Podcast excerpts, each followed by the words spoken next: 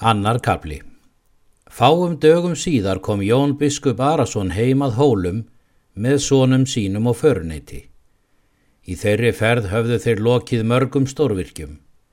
Þeir höfðu ráðið öllu og ráðstafað á alþingi eins og þeim síndist.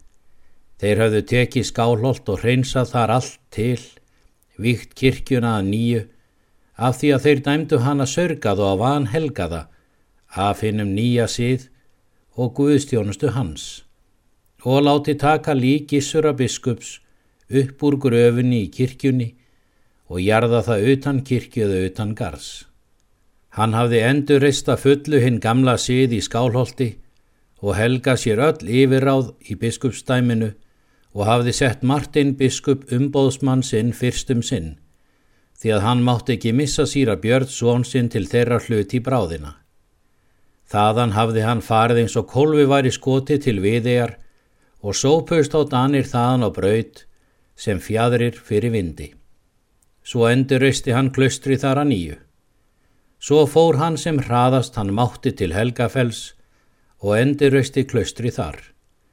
Með það þóttist hann hafa aftur reist við katólska trú og vald páans í landinu. En tvent var það sem vald þessara miklu hetju náð ekki til. Annað var hjört og hýjir þeirra manna sem þegar höfðu tekið hinnu nýja síð af heilum hug og gert hann að hjartansmáli sínu. Því varð ekki kift í liðin með valdi og hitt var alltaf ógrinni fjár sem síðbóta mennirnir höfðu tekið hershöndum frá kirkjum og klaustrum og einstökum mannum. Það hafði lama þjóðina því að margur átti þar um sorta binda. En eitt var þar víst að gullnistið ástísar á hjalla hrópaðum hefnd fyrir yfirgang ofbeldis mannana. Þessir tímar voru ný störlunga öll hér á landi.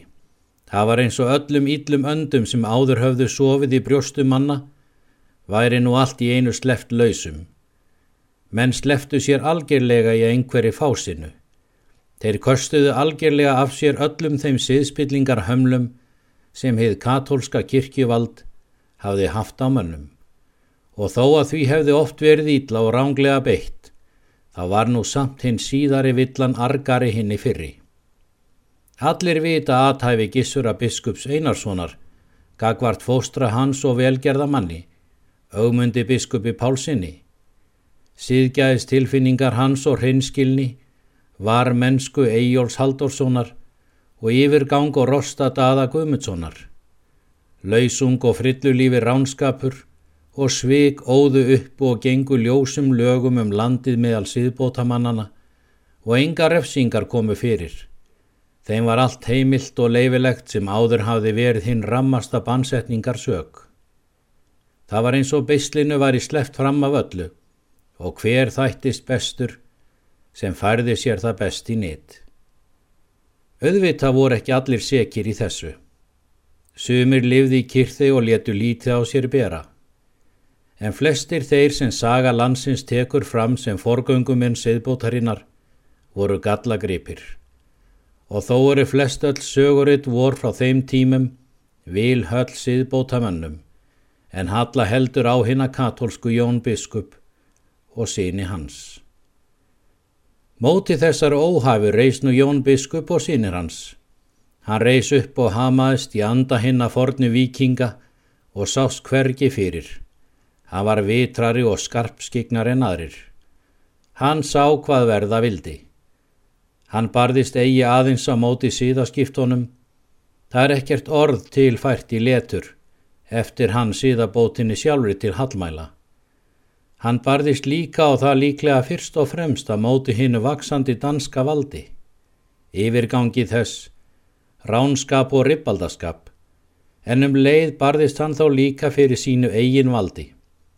Hann sá fyrir hver eftir leikurum myndi verða, þar sem diðrika myndin hafði leikið upphafið, og við því vildi hann sporna fram á fremsta hlunn. En hann sá ekki fyrir nema aðra hliðina. Hann sá voðan sem þjóðinni stóð af afskiptum hins stanska valds þegar það færa að láta til sín taka fyrir alvöru. Síni sorni var þegar fengið í skálhótsbiskustæmi og íslenskir menn gengu bersesgangi því að hjálpa dönum til þessa múlbinda, ríja og ruppla þjóðina. Þeir voru meira að segja verð en fjöldin að dönum sem hingað kom. Sjálfum Kristófer Kvítfeld blöskraði varmenska siðbótabiskupsins og hann sá að hinn sanna katólska trú var í voða. Það vofði yfir trúarvilla í höndum óhlutvandra manna sem höfðu siðbótina yfirvarpi til ránskapar og fjeflettinga. Hann sá að valdi hans og yfirráðum var hættabúinn og að þinn eina sanna katólska kirkja var að missa yfirtókin yfir hugum manna. Að tímanlegt og andlegt vald var að ganga úr greipum hans og páhans. En hitt sá hann ekki, að fámennri og þjakaðri þjóð varum megnar hinda af sér vopnuðu valdi vígbúana manna og að það var óðsmanns æði að ætla að bjóða því byrgin og tróða ílsakir með fáum mönnum við hinn að voldugustu og harsnúnustu menn þjóðarinnar. Og svo annað, að hinn katólska kirkja hafði þegar markfaldlega fyllt mæli synda sinna í höndum þeirra manna sem höfðu haft yfiráð hennar með höndum hér á landi. Þeir höfðu sörgað og vanhelgað það sem heilagt var með aðtafi sínu, yfir gangi og framferði og gert það ítla þokkað. Hann hafði nú þegar unnið stundar sigur um allt. Nú var aðeins eftir að sækja björnin, mannin sem harðast hafði gengið fram og veifaði danska valdinu hæst allra. Var trúr fylgismæður þess og þjónaði löstum sínum að ósekju í skjóli þess. Daða Guðmundsson í Snókstall. Og til þess að sigra hann þurft að fara með mannsöfnuð á hendur honum og lama hann að fullu á einhvern hátt og til þeirrar ferðar þurfti nú að búast. Og þeir fyrir sunnan og vestan byggust líka við ófriði að norðan. Þeim þótti biskup hafa skili förðu skindilega við hálna verk þar vestra. Enda hafði hann engan liðsabla til þess að etja kappi við þá veraldar valdsmennina þar. Og við yllu byggust þeirra norðan, jafnvel verre en til var stopnað. Þeim þótti því vissara eiga sér einhverja njóstn vísa að norðan um það, hvað biskup hefði með höndum og vildi koma fram. Þetta sögulega yfirlit yfir afstöðu viðburðana í landinu er nöðsynlegt til þess að menn geti skili þráð söguvorar.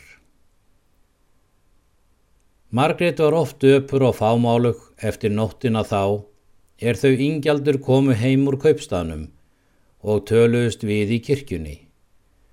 Það stóð henni oft fyrir hugskott sjónum er hún sá Marju myndin að gráta. Það olli henni mikilli áhyggju og kvíða, henni fannst eins og myndin gráta yfir ókomnum örlögum hennar.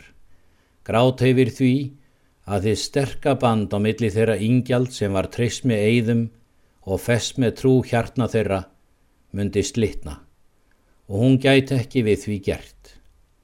Það hjekk alltaf yfir henni kvíðin og hrodlurinn Við þeirri stund er Helgi kæmi heim og ánýjaði bónor sitt. Hún bjóst ekki við því að hann hefði glemt sér þó að nú var í liðin full þrjú ár síðan hann fór.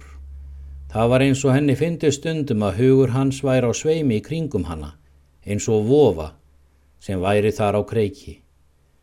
Og þá fór ætið um hanna hrodlur, einhver ónota tilkenning lík og óhugur sá sem grýpur mann þegar mann órar fyrir einhverju íllu, en veit ekkert um hvaðan það muni koma eða hvers kynns það muni verða. Stundum hafði hún þunga drauma sem henni fundust bóða einhver mikil og ill tíðindi og alltaf var hún eitthvað riðin við þá sjálf.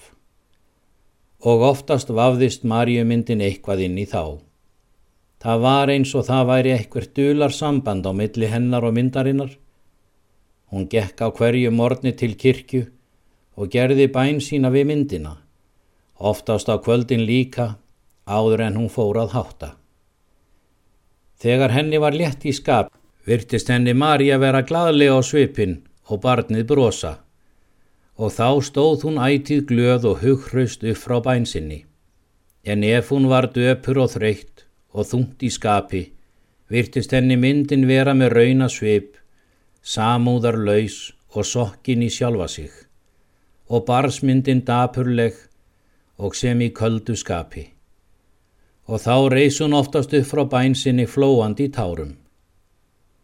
Íngjaldur reyndi sem hann gata hafa af henni og oft gata hann fengi fram hinn að gömlu gleði hennar og gladlindi við heifinuna, engum þegar veðri var gott og allir gengu að með kappi að þurka og sæta heið.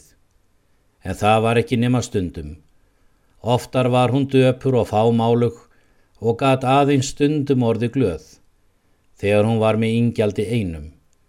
Þá var eins og hún fagnaði vernd hans og þó kom þó alltaf kvíðin upp með það að ógæfan hennar myndi skilja þau að fullu.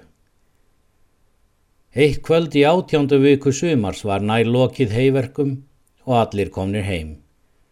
Það hafði verið bundið um daginn og voru margir hestar með reyðingum hinga og þangað út um túnið á hofstöðum. En ingjaldur og vinnumennirnir voru langt komnir að hlaða úr seinustu böggunum. Veður var þið fegursta og ángaði ilmsætt heiliktinn út um allt túnið. Stúlkur voru gengnar til bæjar og sumar farnar að sinna inniverkum en sumar gengnar á stöðul til þess að mjálta búsmala. Ærnar röðuðu sér hjortrandri meðfram kvíaveggjónum en kýrnar stóðu líka hjortrandi við kvíarnar, lingdu augunum, hristu eirun, vingsuðu hölunum og byðu eftir því að stúlkurnar kæmu hver með sína fötu og hver með sinn hrosshaus til að sitja á við mjaltirnar. Hinn milda kvöld ró sumar Hallans kvíldi yfir öllu. Margret var heima í bæjardirum og var eitthvað að gera fötum, því að byrtu var tekja að bregða og sást í betur til frammi. Henni var litið út og inn yfir héradið Kvöld rökkrið var farið að draga yfir það ídökkan hjúp en dimleitur fjallarhingurinn lokaði allt í kringum það. En svo leit hún lægra nýður á göturnar sem lágu sunnan að bænum.